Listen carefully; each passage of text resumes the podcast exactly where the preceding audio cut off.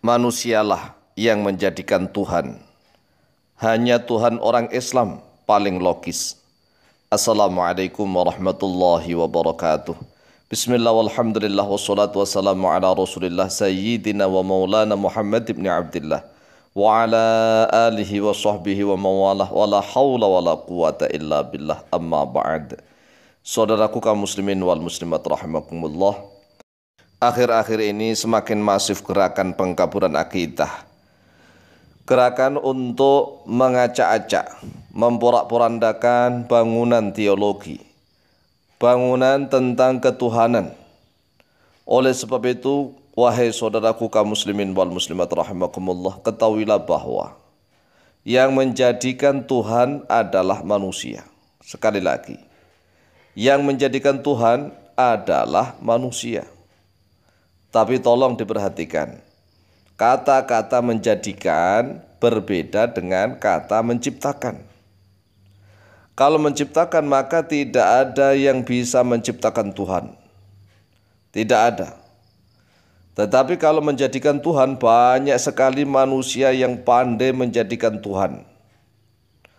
Oleh sebab itu, perhatikan jawaban-jawaban kami secara logis hanya Tuhannya orang Islamlah yang paling logis, yaitu Allah Azza wa Jalla.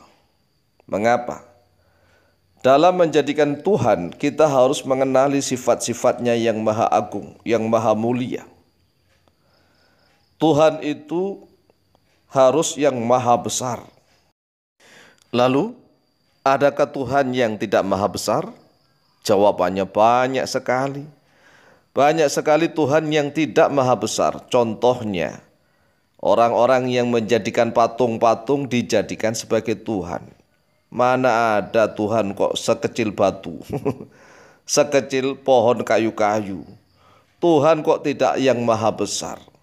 Tuhan sekecil kapatung, sekecil batu, sekecil kayu itu ya bisa hancur, fana, hancur, binasa. Tuhan itu yang harus maha besar, maha segala-galanya maha awal tanpa permulaan. Ingat, maha awal tanpa permulaan.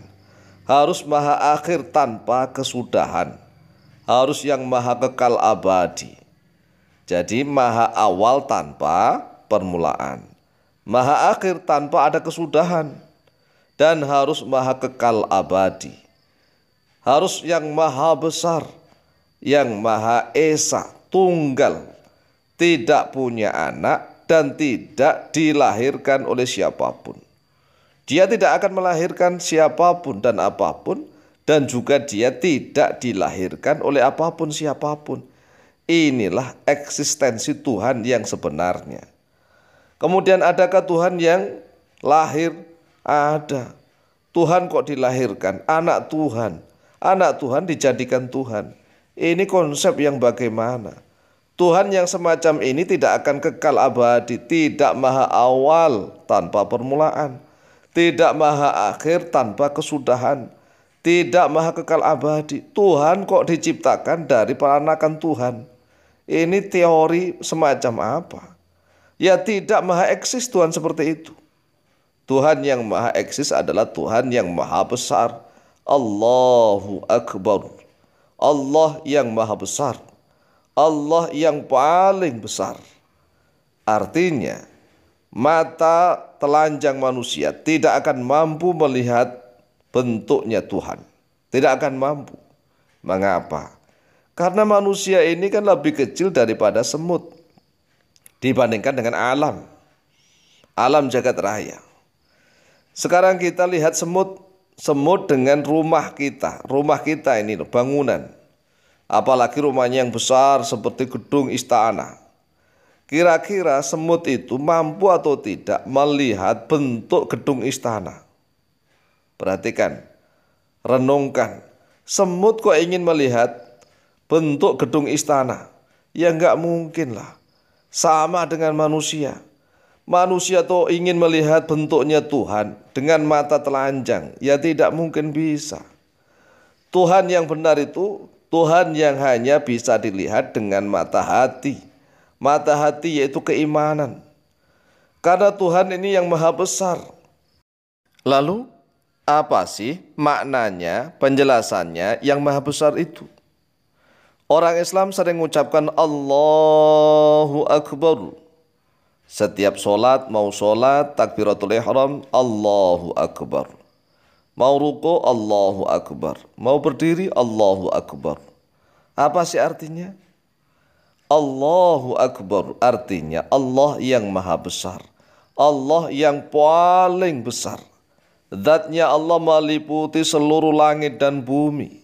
Ingat, kira-kira langit dan bumi ini besar atau kecil menurut manusia? Besar kalau menurut manusia. Manusia bisakah melihat seluruh permukaan bumi dengan mata telanjang? Enggak bisa, baru permukaan bumi. Lalu mampukah manusia ini melihat seluruh permukaan langit? Tidak bisa, tidak akan mampu. Mata manusia itu sangat lemah, sangat lemah. Kemudian langit dan bumi ini masih tidak apa-apanya dibandingkan dengan kursinya Allah.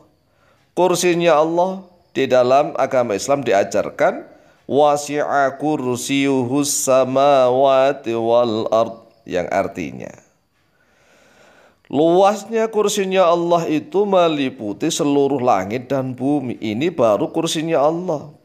Coba bayangkan dan direnungkan. Luasnya kursinya Allah meliputi langit dan bumi.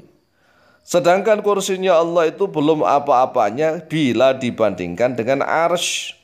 Arshnya Allah meliputi kursi. Coba direnungkan lagi. Seluruh jagat raya antariksa itu tidak apa-apanya dibandingkan besarnya arsh. Kemudian arus kursi seluruh langit dan bumi itu tidak ada apa-apanya bila dibandingkan dengan kebesarannya Allah. Lah mana mungkin manusia yang sangat kecil begini kok punya teori bisa melihat Allah dengan mata telanjang biasa. Ini teori apa? Pembodohan namanya. Pembodohan. Jadi Tuhan yang Maha Esis, Maha skala-kalanya, yaitu Tuhannya orang Islam.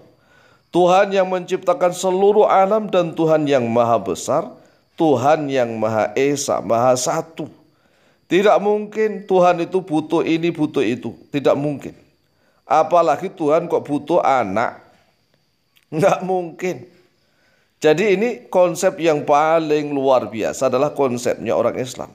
Oleh sebab itu, wahai saudaraku kaum muslimin wal muslimat rahimakumullah, apabila ada gerakan masif di dunia maya maupun di dunia nyata tentang pengkaburan ketuhanan teologi, maka perhatikanlah apa yang sudah kami jelaskan.